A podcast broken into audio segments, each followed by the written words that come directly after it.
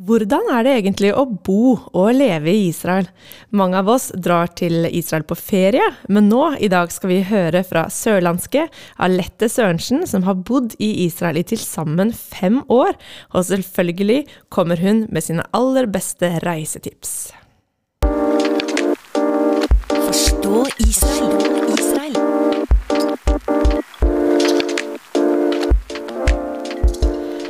Ja, dagens gjest er Alette Sørensen, og hun har fortalt meg at jødene ofte bruker humor for å overleve i hverdagen.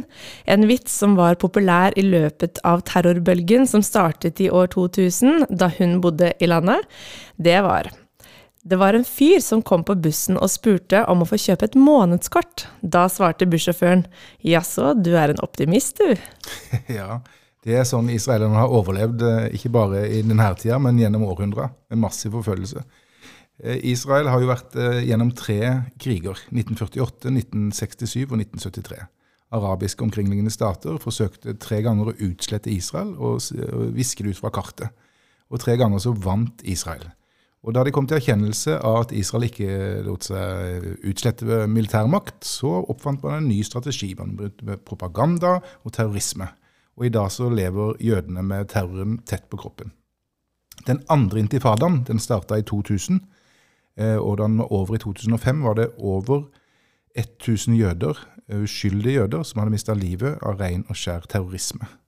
Eh, og gater og restauranter og busser over hele Israel, i alle Israels byer, lå farga av uskyldige jøders blod, inkludert kvinner og barn og hvem som helst. Terroristene ser ikke forskjell på jøder og araber, soldat eller sivil, eller ung eller gammel.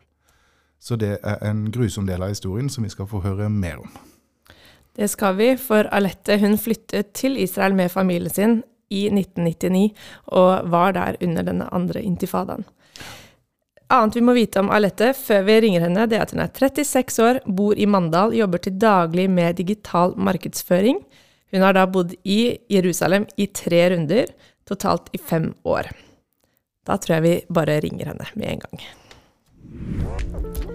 Hei, Alette. Velkommen til podkasten vår. Hallo, dere, og tusen takk for, for, det, og at jeg fikk lov til å bli med. Altså, Du er rutinert podkastprogramleder selv, egentlig. du. Det er ikke første gang du er med i podkast om Israel? Nei, det, det, stemmer det. Det er ikke første gang du snakker om Israel i podkast. Men det er utrolig, gøy. Jeg elsker podkastformatet, så så her ja. Det blir bra. Det er så bra. Altså, før vi eh, griller deg nå, før vi bare hører din historie, så må vi bare si For det er noen som har fulgt oss på Instagram over litt lang tid. Og da har vi jo hatt din far, Roar Sørensen, med som gjest også eh, på Instagram. Og han vil jeg si er en av Norges fremste Israels-eksperter. Og har podkasten Israel Next, som du også da av og til er med i. Så det anbefaler vi veldig sterkt her. Og engasjementet for Israel, det har jo du også, så det her blir gøy. Kan ikke du bare fortelle? I 2000, nei, 1999 var det. Du var ung tenåring, og ble du dratt med til Israel, eller ville du ikke flytte til Israel? nei, jeg ville absolutt ikke flytte til Israel. uh, det ville jeg ikke. Det stemmer at jeg, deler skikkelig det engasjementet nå i dag. Og ja, måneder etter den der uh, høsten 99. Men akkurat høsten 99, da var jeg 13 år. Og jeg følte liksom livet mitt og vennene mine det hadde jeg jo i Skandinavia, og jeg tenkte Israel det var liksom det, det var sikkert i hvert fall ikke et land som, som, var moderne nok for meg, liksom. Så eh, jeg hadde lyst til å dra til Israel, men mer som en turist, ikke å bo der. Men heldigvis så var det ikke meg som bestemte det. Så det var bare å bli med familien. Og så etter hvert så fant jeg ut at det her var jo faktisk skikkelig, skikkelig bra. Så hvordan, det ble bra. Hvordan var eh, Israel annerledes enn forventningene dine? Oi, altså, nå tror jeg det nesten er liksom sånn jeg tror det, jeg håper ikke i hvert fall at folk har, har de forventningene som jeg hadde da jeg var 13 år. For jeg var jo nesten litt sånn altså jeg var nesten, trodde nesten at Israel var på bibelsk tid. At folk gikk bare med sånne Jesus-sandaler og liksom at de knapt hadde hørt om datamaskin. liksom, Jeg var virkelig der. Mm. Uh, så for meg var det jo sånn Oi, er det så likt liksom hjemme? Men så var det jo utrolig mye mer intenst. Utrolig mye mer liv. Masse mer folk og forskjellige folk. Så, så jeg ble liksom ja, veldig positivt overraska over livet som er der. Eh, så, og at ikke det var Jeg trodde jo kanskje at liksom, her blir det eksplosjon rundt hvert eneste hjørne. Eh, og det var jo ikke stille. Men det var liksom ikke på den måten som jeg hadde trodd. Mm. Så det var jo mye mer De er utrolig flinke på sikkerhet. Eh, så jeg Ja. følte meg trygg, selv om det var noe som skjedde. Så derfor Hvordan var det veldig var- annerledes enn forventningene. Ja. Hvordan, når du da var 13 år og du etter hvert kom deg inn i rutinene, og hvordan var et vanlig, en vanlig uke og hverdagslivet da i Israel? Ja, um, det var eh, Jeg hadde hjemmeskole eh, fra en skole i en kristen skole i Norge som sendte ting på fax, som det var på den tida. Eh, og så eh, på ettermiddagen og sånn, så var det jo mer tid for å eksplorere. Da var det gjerne at pappa hadde hørt noe på Han studerte på universitetet der da. Så hadde han hørt om noen ny arkeologisk utgraving, kanskje, eller eh, sted vi kunne besøke. Og så var det ut og utforske. Så bare bli med, hele familien. Og så lærte vi liksom Jerusalem først, og ble kjent med det, og så etter hvert og Galilea og Judea-ørkenen og liksom hele pakka. Så det var mye oppdagelse Mm. eh, etter, etter skolen, liksom. Du har noen fine historier om naboene. Kan ikke du bare fortelle et par? Å oh, ja. Mm. ja, altså. Det, det er så gøy når man blir kjent med folk i Israel. De, blir liksom, de kommer virkelig på innsida av en. Så Disse naboene de har gjort så mye spennende. Det var et sted så en virkelig en måte de ble kjent med kulturen på. Det det være shabbat goy, altså sånn shabbat-hedning. For ting snur virkelig opp ned fra hverdag til shabbat. Eh, og disse naboene var ganske religiøse, så da kunne ikke de skru på noe elektrisitet eller noe sånt etter at sabbaten var satt i gang. Mm. Så hadde jo sikringa gått hos de, og så måtte de jo tenke en kreativ tanke. Det var, hvem, hvem kan hjelpe oss nå? Jo, det kan jo naboen. De, de har jo ikke den her eh, ja, De er jo hedninger, så de kan jo kan komme innom sikkert. Så de kom og spurte om vi kunne bare skru på sikringa. Det var ikke så vanskelig for oss. Så vi gjorde det, og så kom de dagen etter, da, så hadde de bare kake og alt mulig for å takke oss for den store jobben vi hadde gjort. Så det var gøy. da var de Eh, så, ja, ja, ja. Så har vi kommet med gaver. Det var andre, Vi bodde forskjellige steder. Så andre naboer har kjøpt gaver til oss, bare sånn helt plutselig. liksom. Mm. En annen nabo ba oss med på sønnen sin eh, sitt bryllup. Oh, yeah. Eh, var helt spontant, liksom. Og vi tenkte oi, skal vi være med på hans bryllup? Vi kjenner det knapt, liksom. Så eh, de er virkelig utrolig sjenerøse. Bare man blir kjent med dem, så utrolig sjenerøse. ja, Så er så bra. historier. Er de, er de mer gjestfrie og sosiale enn det vi er her i Norge, i, i kulturen deres? Eh, Jeg vil si at uh, altså, selv så liker jo israelerne å se på seg sjøl, eller man blir ofte kalt for sabra. Eh, sabra er gjerne ordet de bruker, de som er født i Israel og vokst opp der. Mm. Eh, de kaller seg for sabra. Men også mentaliteten gjerne beskrives som en sabra. og Det er en sånn kaktusfrukt. Kaktusfrukt. har liksom sånn- Kaktusfrukt. kaktusfrukt ja. Mm. Så den er liksom litt sånn Den har tjukt skall og er liksom sånn tagga på skallet sitt. Men hvis den bare liksom kommer gjennom skallet, så er den sånn søt og god inni. Mm. Og, og det er kanskje sånn altså det er sånn jeg opplever mange israelere. At det, det tar kanskje litt tid å vinne tillit. Liksom, de lurer på hva i all verden gjør du her, og hvorfor bor du her nå, og hva er liksom din agenda? på en måte, litt sånn. Men så ser de at ja, vi er der dag ut dag inn, og vi eh, selger det blir ro, liksom. Vi fordeler, liksom, og vi smiler, og vi liksom vi holder, vi holder sånn, liksom. Og etter hvert så begynner de å bli nysgjerrige. Og så begynner det liksom å åpne seg et vennskap, og da er man altså da er man venner på ordentlig. Og Der føler jeg at det kanskje er litt forskjell i Norge. I Norge så er vi jo Jeg tenker at vi er er vi for det meste sånn. Men kanskje litt mer at i Norge har vi nok med vår egen familie og våre egne venner. og Kanskje ikke har kjempeplass til å kanskje inkludere hvem som helst til sønnens bryllup, liksom. Så der er det litt forskjell. Mm. Så spennende å høre. Mhm. Men du, du var bare 13 år eh, i 2000 da den andre intifada brøt ut, eh, som var en blodig intifada som varte i flere år. Hvordan var det som 13-åring? Hvordan var ditt møte med de her selvmordsaksjonene og, og terroraksjonene over hele Israel? Ja, det var, det var veldig Det var jo intenst. Men på en måte så eh, Når jeg var midt oppi det, så var det liksom eh, Det skjer eh, Det skjer liksom på en måte at, at man, eh, man, eh, man, man får det man, lever som en del av det. Det blir som en del av hverdagen. Så man lærer seg på en måte å takle det. Eh, så for det første så Det som slo meg, var at de var utrolig sikkerhet. Mye mer enn det jeg liksom kunne Mm. da sikkerhet, ja. Forestille meg. Eh, de sjekker alt. Liksom, de sperrer av områder hvis noe liksom, de har fått noe varsel om noen ting. Eh, politi og sånne ting. At, at de kan sperre områder. Så man føler seg på en måte så trygg som det går. Men akkurat i den terrorbølgen vi snakker om der, så var det jo mye at, at eh, folk kom inn fra gjerne områder rundt Samaria og sånn, eh, og hadde selvmordsbomber. Det kunne være ganske pussig på buss og kafeterier eller kafeer og sånne steder.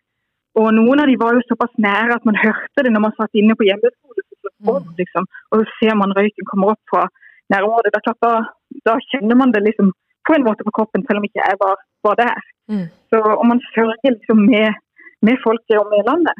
Så det var, eh, ja, det var, det var en spesiell situasjon. Så når da den etter hvert kom, jo, kom det jo en avgjørelse om å sette opp et sånt sikkerhetsgjerde ja. for å på en måte eh, ja, unngå at folk kunne komme inn i områdene så lett eh, som terrorister. da. Så, så, ga jo det en utrolig merkbar effekt når man bodde i Jerusalem og, og de områdene der. Så merker man jo tydelig, bare noen år senere etter at sikkerhetsgjerdet kom opp, eh, at, at, man ikke ja, man, Det var jo slutt på disse selvmordsbombene. Og det var liksom mye mer kontroll på ting. Mm. Så selv om mediene gjør jo det her til en veldig stor sak, og særlig i dag kanskje ja, De kaller det jo for en mur osv., mens det meste bare er gjerde. Det er jo 5 som er mur, men det er jo alltid det som er på TV. Mm. Eh, så, så gjorde det sånn enorm forskjell. Det sparer så utrolig mange liv. Eh, så eh, ja, jeg tenker at den historien har jo absolutt ikke kommet fram. Mm. Det, det, føler man på. Ja, Fra et israelsk perspektiv så var det et tvingende nødvendig sikkerhetstiltak som ikke Israel, Israel ønska seg overhodet, men eh, et gjerde for å forhindre selvmordsbombere å komme inn i sivile områder og sprenge seg sjøl i lufta. Fra et pro-palestinsk perspektiv så er det en apartheidmur som, som undertrykker palestinerne. Så det er jo to helt forskjellige virkeligheter. Mm. Og jeg, jeg, tenker akkurat det du sier der, at, at, det er jo ikke noe man vil. Det er jo et eh, last resort. Altså mm. man, Først forsøker man jo å unngå det. Man forsøker med etterretning og alle midler man har. Mm. Men, men, når man ser på det her, ja, hvordan det bare tar livet helt uskyldig, så har man, man, jo, man har ikke noe valg enn at man må sikre befolkningen sin. Og jeg tror at de fleste andre land hadde gjort på samme måte. Eh, så, så det, det, er trist at det må, må til, men, eh, men, eh, det var en livsviktig avgjørelse. Mm. Ja, Det er en ting som jeg beundrer ved det israelske samfunnet, det er at de bevarer sin menneskelighet i møte med sånn, den bestialske urettferdigheten som de opplever. Mm. Har du inntrykk av, hvordan har du inntrykk av at israelerne håndterte den situasjonen? Var det prega av frykt og, og lammelse, eller, eller, hvordan var det? Eh, nei, det vil jeg ikke si. Altså, akkurat det ting skjer, så er det, veldig, eh, det er en veldig verdighet over ting. Eh, hvis det er en, terroraksjon så folk er flinke til å eh, la ambulanse og alt all personell komme fritt fram, altså lage plass og, og ikke store nysgjerrige og sånne ting. De har også utrolig, de setter livet så utrolig høyt. og ja, Jeg vet ikke om jeg skal gå inn på detaljer, men de liksom de, vasker virkelig etter sånne for at det ikke skal finnes noe igjen av noe. Og det er bare sånne detaljer som er eh, så De er så opptatt av å bevare, bevare alt er spor av liv. Eh, alt har verdi for dem. Så, så det var én ting. Men, men jeg syns at de takler eh, at de takler disse situasjonene på sin egen måte. da. Bl.a. gjennom å bruke humor, eller sånn, kanskje galgenhumor, og gjøre liksom litt sånn Eh, gjøre det til en humoristisk ting. At man er liksom optimistisk og sånn. Og det var litt nytt for oss nordmenn, da, at eh, det var ikke tull om sånn, liksom. Mm. Men det er jo en måte de gjennom alle år på en måte har jobba seg gjennom det. Mm. Så var det vel kanskje mer vi nordmenn som var litt mer sånn, litt mer feige. Jeg husker at en av mine sånn verste situasjoner det var når vi skulle kjøre hjem. Vi hadde sånn ukehandling i matbutikken. Og så skulle vi kjøre hjem, og da kom vi på en sånn flere, vei med flere filer. Og iblant så kanskje man havner midt mellom sånn, en buss på hver sin side, og det er kø, liksom. Og da tenkte jeg bare nei, nå huker jeg meg sammen. Så tenk hvis jeg eksploderer her! Da blir jeg midt i liksom krigssona. Mm. Liksom, det var liksom min 13 eh, års eh, Men uh, den følte jeg, de var liksom de, brukte, de tok hverdagslivet som vanlig. og Det var bare å gå på bussen selv om det var en buss dagen før. liksom. Ja. Mm. Men vi det var ikke noe, på en måte noe valg. Nei, ikke sant. Mm. Vi kan jo hoppe litt videre, for eh, du flytta senere også til eh, Sverige. Du har vært på Uppsala universitet og studert fred og konfliktskunnskap. Og da, da, er det jo naturlig, tenker jeg, at du sikkert har skrevet om eh, Palestina og Israel og konflikt. Hvordan har det vært? Eller gjorde du det? ja, ikke sant. Ja, det var jo tanken, da. Det var, tanken, det, var det som fikk meg interessert i det. altså tenkte fred, konflikt, Det her må være perfekt. Nå har jeg bodd både i Israel og, og sett konflikt på, på nært hold. Her har jeg noe å liksom, hva, hva, hva er teoriene rundt det her, og hva sier forskerne. Så tenkte jeg nå, når jeg skal gjøre oppgaven min, så er det det jeg selvfølgelig jeg skal fokusere på, for jeg har jo forkunnskapen. Mm. Men da ble jeg jo på en måte fraråda, kraftig fraråda, eh, av eh, han, eh, ja, læreren min der at eh, det, det burde du ikke gjøre. Han fraråda alltid, sa folk som hadde vært involvert på en eller annen måte i Israel-Palestina-konflikten, som han sa, Mm. til å ikke skrive om det. For dere kan aldri være objektive, som han sa. Okay. Uh, og det første jeg tenkte var sånn, den er objektiv? Liksom. Mm. Er så, så, så der, der må jeg si at jeg, var, jeg, jeg ble faktisk litt sjokka. Jeg hadde ikke forventa meg det. Burde kanskje forvente det, men det hadde jeg faktisk gjort. Så jeg ble sånn, ah, ok, ja vel, så se om Tyrkia og, og PKK. Så Mm. det ble noe helt annet. Men året etter, da, så, så begynte jeg å studere journalistikk. Eh, og da var det på tide å gjøre et eh, reportasje, eksamensarbeid. Da bestemte jeg meg for nei, nå tar jeg og skriver om Israel, uansett hva de sier. Mm. Så, så da hadde jeg samlet meg opp litt mer mot. Så da gjorde jeg det. Ok, så bra. Mm. Bare, Ja. bare helt kort eh, hva du skrev om. Ja, nei, da dro jeg faktisk til Betlehem. Eh, for jeg hadde hørt at eh, det blir færre og færre kristne som bor der. Kristne arabere. Ja. Eh, I Betlehem bor det jo mest arabere. Eh, så det har bare skjedd på ganske ganske få tiår. Mm. Eh, så har det gått liksom fra si 80 til ned til nærmere 20 kristne når jeg skrev det her. Så, så vil jeg bare vite, liksom, snakke med kristne der om, om hva de trodde var grunnen til det. og sånne ting. Så det ble sånn reportasje. Ja, Mm. så spennende. For, og, og, og hvilke funn gjorde du da? Var det noen hovedårsaker til hvorfor eh, kristne arabere flytter fra Betlehem? eh, den, den første eh, liksom, funnet jeg gjorde, var at det var et utrolig vanskelig tema for de å snakke om. Eh, merke at de, de, de på seg og sånn, fordi at det er vanskelig for de å snakke om det når de er midt i området i Betlehem. Det kan føre til eh, konsekvenser for de hvis de sier eh, ja, uttaler seg for mye politisk og kanskje da pro-israelsk. Mm. Det var det ene. Men man kom, når man kom tett på enkelte av de da, eh, så, så, så snakket de om en kultur av at det er mye kontroll, det er mye klaner. Og da har enkelte klaner, og muslimske klaner, fått overtaket eh, med, med maktbruk og sånne ting. da. Og de har liksom av både økonomiske, men også av rent sikkerhetsmessige grunner valgt å flytte fra, fra Betlehem til andre steder, da, fordi at disse andre klanene som ikke er kristne, da, har tatt mer og mer over i Betlehem. Så det er vel kanskje sånn, generelt sett det de, har, det de snakker om, da. Og Ikke så annerledes enn Mm. enn Midtøsten for øvrig. Ja, akkurat. Det kan man si. I et, et miniperspektiv. Mm. Du, vi har lyttere som eh, er opptatt av å være oppdatert på det som skjer i Israel og Midtøsten. Kan ikke du gi oss noen tips og råd på hva du følger for å holde deg oppdatert? Ja, den, eh, det, det er jeg også veldig opptatt av. Ja, så bra. jeg, følger jeg sjekker jo norske medier og sånt, og vil vite hva, hva måte kolleger og venner får vite. Mm. Men det er så utrolig altså det er, ja, Man trenger virkelig annen input for å høre eh, om ikke minst begge sider, men jeg vil jo si da sannheten. Eh, og jeg har, jeg har valgt ganske sånn utvalgt hvilke jeg følger. for jeg tenker Blir det for mange, så blir det bare at jeg ikke følger med ordentlig. Så for min egen del er jeg så der følger jeg noe som heter Stay Us, som er en sånn amerikansk organisasjon, jødisk. Eh, og så har jeg en stjernemarkert den, sånn at alltid når jeg åpner Instagram, så kommer liksom siste innlegget de har lagt ut om det. Og der de er utrolig kjappe på ballen. Så hvis det er liksom noen terrorattakk eller andre ting, så legger de ut det. Men det er også ganske sånn eh, lærerikt. De kan liksom ta en, en tittel fra si BBC-artikkel, og så kan de si hei, BBC, nå har vi fiksa eh, tittelen på artikkelen deres, liksom. For da har de brukt veldig sånn politiske ladda ord i artikkelen, eller eh, BBC da. Og så har uh, Stanwood gitt tips og liksom og advart om at her, her har de liksom valgt å bruke si apartheid, eller eh, her har de sagt murder i stedet for terror attack, eller killings, eller altså, ja, sånne ting. Så det er ganske, ja, ganske interessant. Det er en enig følger jeg også forstå Israel på Instagram. Det er også en favoritt. Selvfølgelig. Man trenger, ja, ja, men man trenger, altså, man trenger det bibelske perspektivet også, og Mm. kristne perspektivet. Så, så da har du liksom både det på en måte det fra Israel, eh, og så har du på Israel, og så har jeg faktisk følger også Jerusalem Post, bare Mm. av gammel vane. Kan også være interessant. Eh, og så har jeg liksom følger også som du nevnte, eh, pappaen min han er Roar Sørensen, så jeg er jo ikke helt, helt objektiv der. Selvfølgelig i de kontoene som han holder på med, altså. I Next og folk som overlevde.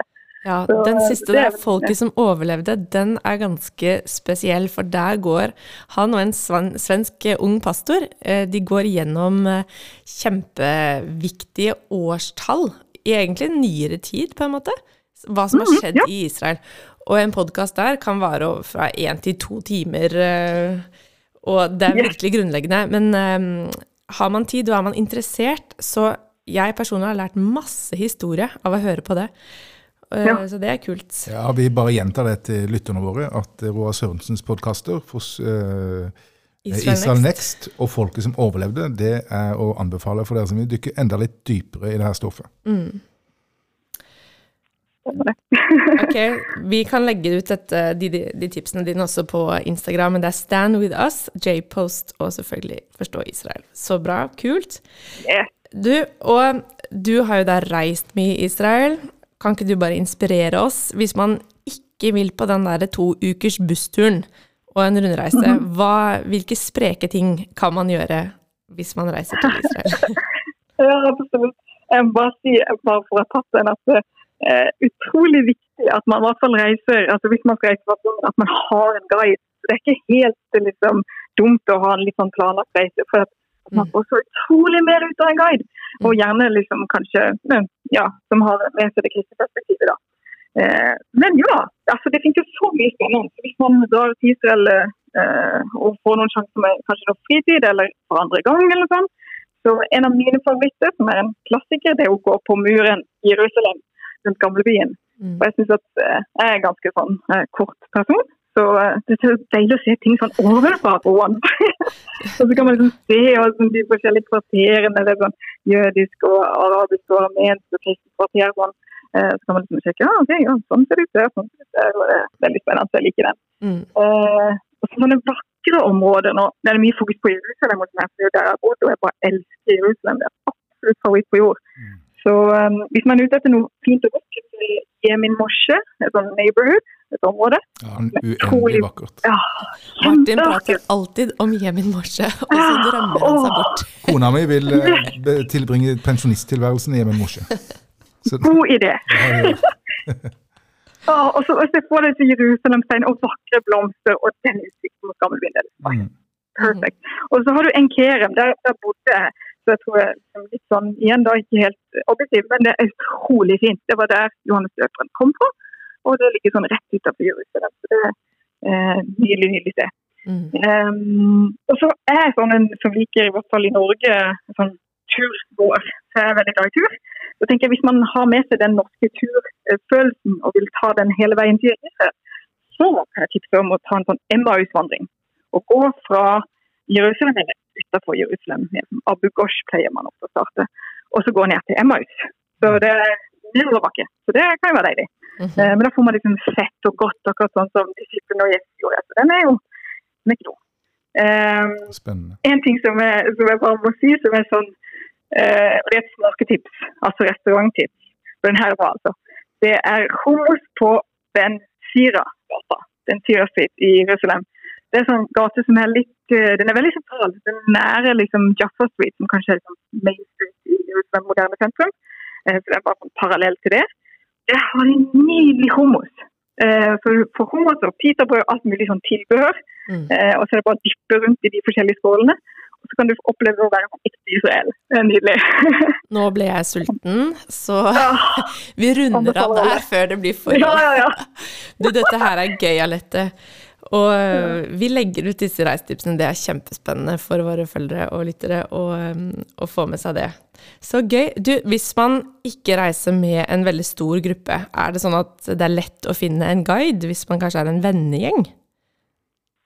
Ja, eh, jeg hadde, jeg hadde liksom, altså det er eh, det kan nok være lett å bare snakke med folk i Israel og få tak på en guide, men jeg hadde liksom en litt sånn kanskje smått litt sånn kresen. Eh, så jeg hadde nok, eh, For min del så hadde jeg nok kontakt med noen som har vært i Israel en del og spurt i råd. Mm. Eh, jeg tror det, det lønner seg bare å ta en liksom ekstra runde med noen som har vært der noen ganger. For da har de kanskje noen gode tips. Eh, kanskje menigheter og sånn. For egen del så hadde jeg jo spurt eh, Roar Sørensen da. Men, eh, men eh, ta gjerne snakk med folk som har vært i Israel, for da kanskje man har god tips på, på en, en, lokal guide. Og det finnes mange flere gode lokale guider. Eh, men jeg tror at kanskje noen som har med seg litt av det her kristne liksom, perspektivene og, og fokuserer litt ekstra på det, da, kan jo være mm. ekstra gøy. Så. Mm. Kult! Tusen takk for at du har vært gjest i vår podkast. Kjempegøy, Alette. Masse lykke til med, med jobb og engasjementet ditt for Israel og alt det du står i.